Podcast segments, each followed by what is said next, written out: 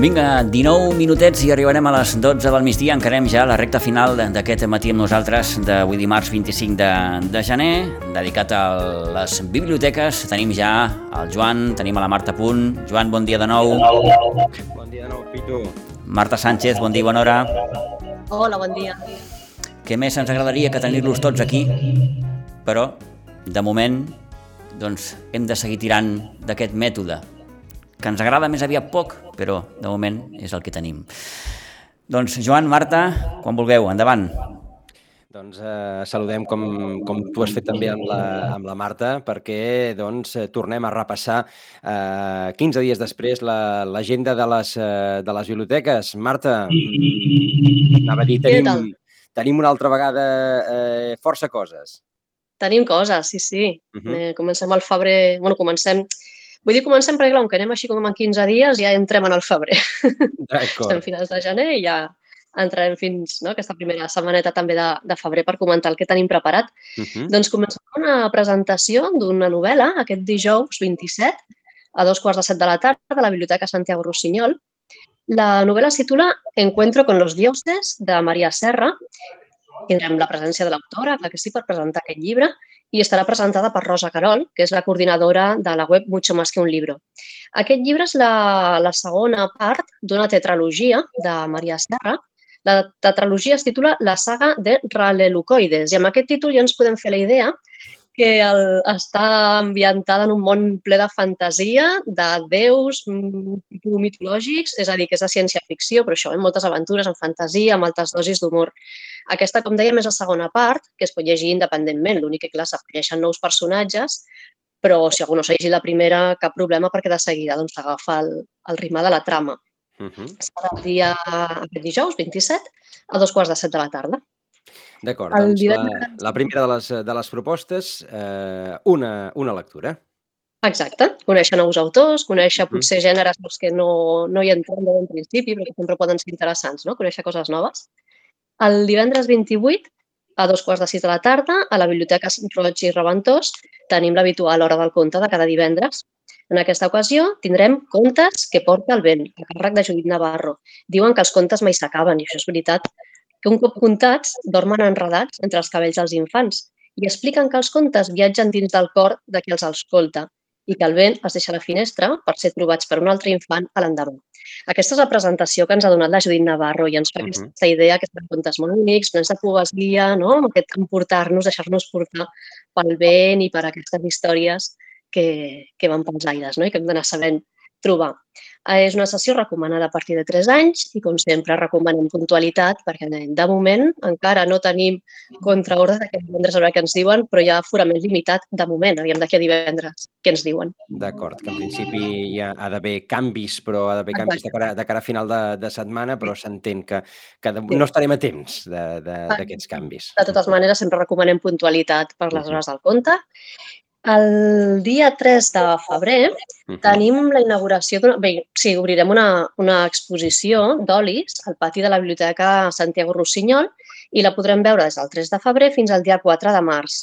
L'autor és Ivan de la Rionda, un pintor que ara no viu a Sitges, però sí que està molt, molt vinculat i ha fet altres exposicions anteriorment al pati de la biblioteca. La seva exposició té el títol general de Novis Ipsis Silemus, que així traduït al català seria sobre nosaltres mateixos guardem silenci.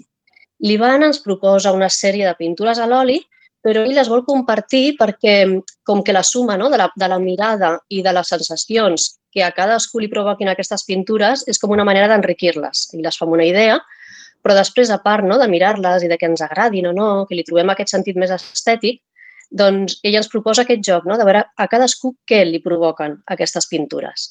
Estarà doncs, tot aquest mes, del 3 de febrer fins al 4 de març, al pati de la Biblioteca Santiago Rossinyol.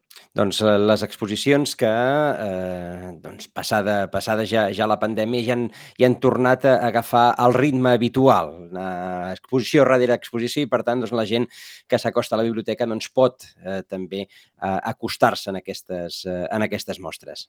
Exacte, el pati és prou bonic sense res, uh -huh. però sempre, no?, si passeges per aquell espai amb el fo la font, el, el so de l'aigua i, no? I t'estan fent una proposta uh -huh. així visual i artística de fotografies, de pintures, en fi, cadascú amb el seu art, doncs és un plus, no? Perfecte. El dia 4 de febrer, uh -huh. a la Biblioteca Josep Roig i Reventós, és divendres, tindrem una nova Hora del Conte, Contes de la Lluna de Neu, a càrrec de l'Anna Garcia, de la companyia Els Bitxos. La lluna plena del mes de febrer es diu lluna de neu, perquè és el mes d'hivern, no? I llavors és el que porta més, més fred, més nevades, i per tant la lluna és com, com especial. Doncs l'Anna Garcia ens explicarà aquests contes, també a partir de 3 anys. Uh -huh. Més contes, per tant, a, la, a les biblioteques.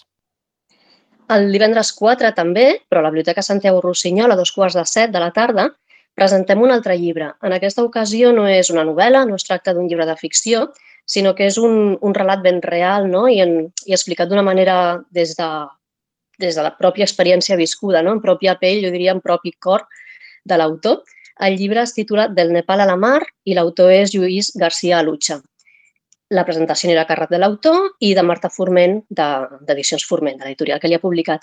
Aquest llibre és el segon llibre que hi escriu, però de fet és, que, bueno, és el segon que publica, però de fet el primer que va tenir al cap no? i en ment que es convertís en això, no? en un compartir aquesta experiència transformadora que va viure l'autor. Uh -huh. Ell era una persona en un món que trobava massa complexa i que en una etapa de la joventut doncs, el va fer trobar perdut no? I, i desbordat. I va decidir doncs, emprendre això, un viatge de vida i transformació cap al Nepal, i allà no va veure aquest país i no el va viure com a un turista, sinó va anar molt més enllà, no? I s'hi va ficar tan a dins que va, va conviure això amb, amb monjos d'allà del Nepal, amb nens d'un orfenat, amb famílies que viuen en poblat de fang. Per tant, tota aquesta sèrie d'experiències li va fer conèixer l'essència humana, no? ben lluny de, de la societat en què havia crescut, i li va donar força per crear-se, trobar-se, descobrir-se, tornar aquí veient la vida d'una altra manera, no? amb uns altres ulls, amb un cor doncs, molt més ple d'amor, no? un amor així com molt universal. Uh -huh. Ell doncs, ha volgut transformar això en paraules, en lletres, no? en un llibre, i ens ho vindrà a explicar tot plegat el dia 4 a la Biblioteca de Santiago Rossinyol. D'acord, el dia 4. M'estic fixant que hi ha moltes presentacions de llibres. Uh, uh -huh. hem, anava a dir, és habitual que, la, que les biblioteques acullin presentacions de llibres, però, però aquest, eh, aquest volum de presentacions feia temps que no el veiem. Sí, no sé, s'ha comentat eh, que potser també el fet de la pandèmia, del confinament, ha fet que persones que tenen aquesta inquietud, uh -huh. doncs, com que ho han fet real, i al final la biblioteca és el lloc més proper que pot tenir algú no? que potser comença, uh -huh. parlem no? de, de tipus d'autor que no, no són grans, grans coneguts no? d'aquest uh -huh. món, però que sí que això, que tenen ganes doncs, de, de compartir, de donar a conèixer el que doncs, els ha, no? han tingut això, aquesta necessitat de, de posar en paper i, i està molt bé que vinguin a la biblioteca, no? que tinguin doncs, aquest interès i que ens tinguin com a punt de, no? com una finestra de donar a conèixer la seva obra. Uh -huh. I llavors, sobretot amb els autors locals, doncs, bueno, intentem cuidar-los i també ens troben molt acollits, no? que tinguin aquest moment de trobament, no només amb, la, amb les seves persones que doncs, venen a les presentacions per fer-los costat, però que també donar a conèixer la seva obra a qui no els coneixen. Vull dir que al final és interessant, el Lluís ens ho deia, que no vull omplir la sala, però que qui vingui tingui aquest interès no? de conèixer el que, de conèixer a mi, el que explico i el que he viscut. Uh -huh, correcte. bueno, doncs eh, t'havíem interromput. Eh, continua. Continuem. Anàvem pel dia 4, doncs passem al dilluns 7 de febrer. Uh -huh. A dos quarts de sis de la tarda, a la Biblioteca Josep Roig i Reventós hi ha una sessió de contes, però per adults, que es titula Llengua Ferits.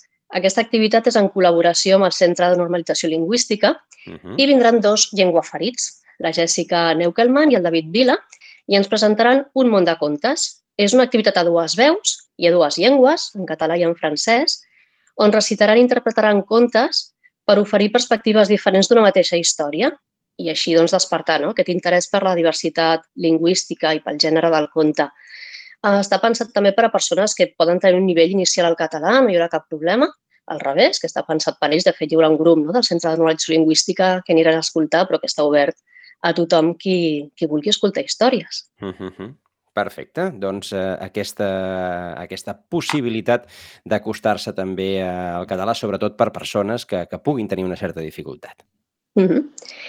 Doncs així com activitats concretes serien aquestes. També he de dir que durant aquest mes tenim a la Biblioteca Santiago Rossinyol i a la Roger Reventós també una altra toncada de visites escolars, que són aquestes activitats que, clar, que són més a nivell, no? Amb l'escola-biblioteca, doncs no les a l'agenda, però que també, doncs això, no? que ens ocupen molts matins de visites de nens i nenes que venen a les biblioteques a passar una estona envoltats doncs, de llibres, d'allò que els hi expliquem, i els tenim ahir al davant amb els ulls ben oberts, sempre escoltant, i són unes visites que, que jo crec que gaudim moltíssim per les dues parts, per la part de per les tres parts, dels nens i nenes, de les mestres, de les bibliotecàries mm. que fem les visites. Anava a dir, els nens i nenes surten de l'escola, que això ja és un plus, oi? I després, a part, a part doncs, hi ha eh, això, la, la visita, el conèixer una, una institució que alguns d'ells ja la coneixen perquè ja passen amb els pares i les mares, però altres que doncs, potser eh, és, un, és un descobriment també. Doncs sí, doncs sí. Després fa molta il·lusió quan tornen, no? I tornen amb els pares i es fan el carnet i busquen uh -huh. aquell llibre que en aquell moment de la visita doncs, els hi ha cridat l'atenció. Això, que les gaudim moltíssim. I el mes de febrer doncs, tenim ben ple. Bé, de fet, el mes de febrer i l'abril. No, no, ja va bé, ja va bé, ja va bé, perquè això també és un... Anava a dir, ho diem, ho diem cada mes, eh? però és un progressiu retorn a la normalitat, aquest, aquesta normalitat que tots busquem i que bé, ens va, ens va més lenta la realitat que el desig.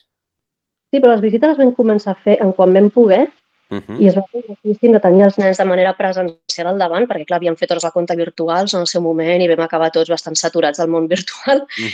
I aquell retrobament no, amb, el, amb les visites presencials doncs, va ser molt especial i les hem seguit fent, sempre guardant les mesures, les distàncies, les mascaretes, tot això, però ha sigut una de les activitats que vam reprendre ja des, de, des del primer moment en què es va poder fer. Uh -huh. mm. Perfecte. Què més, Marta?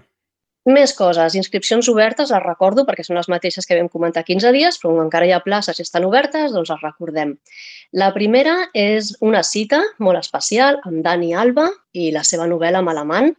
Serà una barreja entre trobada amb l'autor, club de lectura, perquè qui s'apunta prèviament té l'oportunitat d'haver-se llegit el llibre i, per tant, doncs, anar a tenir aquesta trobada amb l'autor mm, per comentar no? que, que, com, com ho han viscut també, no? que els hi ha tocat la història de Malamant. Tenim data d'aquesta trobada amb l'autor, que l'altra vegada el teníem pendent, i serà l'11 de març. Per tant, encara hi ha inscripcions obertes perquè hi ha places disponibles. Uh, durant el mes de febrer anirem repartint, deixant en préstec uh, l'exemplar de Malamant i la cita amb el Dani Alba serà el dia 11 de març a dos quarts de set de la tarda. Uh -huh. I anirem comentant. Però animem a tothom a tenir... No, que les, els altres clubs de lectura sí que demanen aquest compromís de seguir tot el curs i, en canvi, aquests clubs que són puntuals i que, a més a més, ve l'autor doncs són una bona manera no? de descobrir el que és un club de lectura i aquesta, aquesta lectura compartida, aquest compartir després mm. opinions no? I, i enriqueix moltíssim una lectura més individual. Per tant, recomanem a tothom que vulgui viure l'experiència i provar-la, doncs que s'apunti. Que és una qüestió que s'està posant molt de moda, eh? No sabem mm. també si arran de la pandèmia, per allò que la gent, llegent, la gent llegeix més, però que hi ha més interès per participar en activitats com, com aquesta, els clubs de lectura. Mm -hmm, exacte. Més clubs de lectura, que també tenim places obertes. L'Aurin, enfocat a nens i nenes de 10 a 12 anys, i el protagonista jove a partir de 12, diríem, de 12, 13, 14, 15, en fi. Uh -huh. No posem tampoc un límit d'edat perquè són llibres que al final ens agraden també als adults, oi? però per, per posar aquesta categoria seria a partir de 12.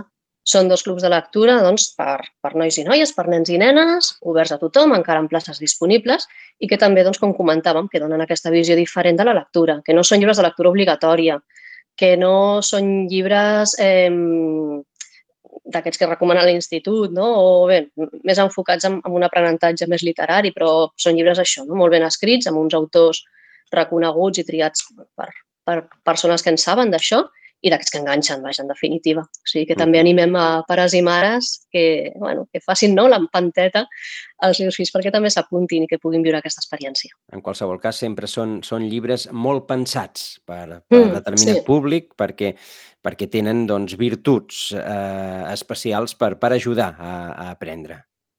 Sí, també perquè després el club de lectura també és això, no? de poder estirar del fil de tots aquells temes que surten en el llibre i poder parlar de mil coses. Llavors, clar, pot ser un llibre que sigui molt divertit però que no tingui prou suc no? per un club. Llavors, els llibres de club també tenen un, han de tenir un toc especial, han de poder treure, treure coses no? I, i que sigui això, que, que pugui tenir molts interessos i que, que enriqueixi també la tertúlia. Mm. Perfecte. Què més?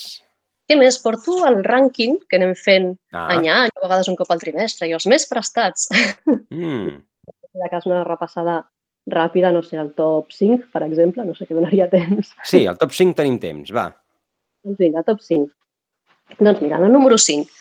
Arturo Pérez Reverte amb Línia de Fuego, una novel·la ambientada a la batalla de l'Ebre. És una combinació del, del rigor històric, no? del que va significar la batalla de l'Ebre, i d'invenció de fets i de personatges. Uh, L'autor, l'Arturo Pérez Reverte, bueno, dels autors doncs, més, més llegits, no? Eh, diu que vol ser un retrat real i recuperar la memòria d'homes i dones que van entrar en aquesta primera línia de foc durant la Guerra Civil. El número 4, Dolores Redondo, un altre habitual d'aquests rànquings de més llegits, de més mm, prestats, de més venuts, amb la cara norte del corazón. Aquí ens tornem a trobar amb una protagonista que la, els lectors i lectores de la Dolores Redondo coneixen bé, la Maya Salazar, un paisatge que també es coneix molt bé, la Valle d'Oztan, i tornem doncs, això, no? amb assassinats per resoldre, però també amb fantasmes de la infància d'aquesta protagonista. Per tant, d'aquests llibres que enganxen. En el número 3, Eva García Sainz de Iruti, amb Aquitània, un altre thriller, però en, aquest moment, en aquesta ocasió és històric, ens situa l'any 1137 i ens dona una visió d'un segle ple d'una trama plena de venjances, de batalles, de lluites de poder. Va ser Premi Planeta el 2020 i ha format part doncs, això, no? d'aquest rànquing de més, més prestats a, la, a les biblioteques de Sitges de l'any 2021. Uh -huh. En el segon lloc, Carlos Ruiz Zafón, amb un recull de contes, La ciutat de vapor, tots els cuentos. Ell va escriure aquest llibre en reconeixement als lectors i lectores que van seguir no, tota, i que estan seguint encara la saga de la sombra del viento. Llavors, en aquests, en aquests contes podem reconèixer personatges, motius, l'atmosfera no, d'aquesta trilogia que hi va escriure de tant d'èxit i aquesta màgia de narrador que tenia Ruiz Zafón i que fa somia en, en aquests contes, no, en aquestes narracions. I en el número 1 tenim la tercera part d'una trilogia de molt, molt d'èxit que està formada per Reina Roja, Loba Negra i aquest número que l'ocupa la tercera part, com deien, que es titula Rei Blanco. És això, una altra, una altra trilogia d'aquestes que atrapen a un munt de lectors i de lectores amb uns personatges molt especials, un, un inspector de policia, en John Gutiérrez, i un personatge, no, l'Antònia Scott, que no és policia, que no és criminòloga, però que ha resolt molts, molts, molts assassinats i que té un caràcter doncs, molt especial. D'aquests personatges que un cop acabat el llibre bueno, se't queda una miqueta amb tu. Uh -huh. Doncs aquest seria el número 1. Pitu, ja, ja saps, ja saps què, què demanar. Molt bé. doncs arribant gairebé a les 12, eh? aquest espai dedicat a les eh, biblioteques. Joan, moltíssimes gràcies. Gràcies. Marta, gràcies moltíssimes també gràcies Marta. també. Mm. Gràcies a vosaltres, ens eh, retrobem. Delerosos de poder recuperar doncs, eh, tot allò d'abans. Eh?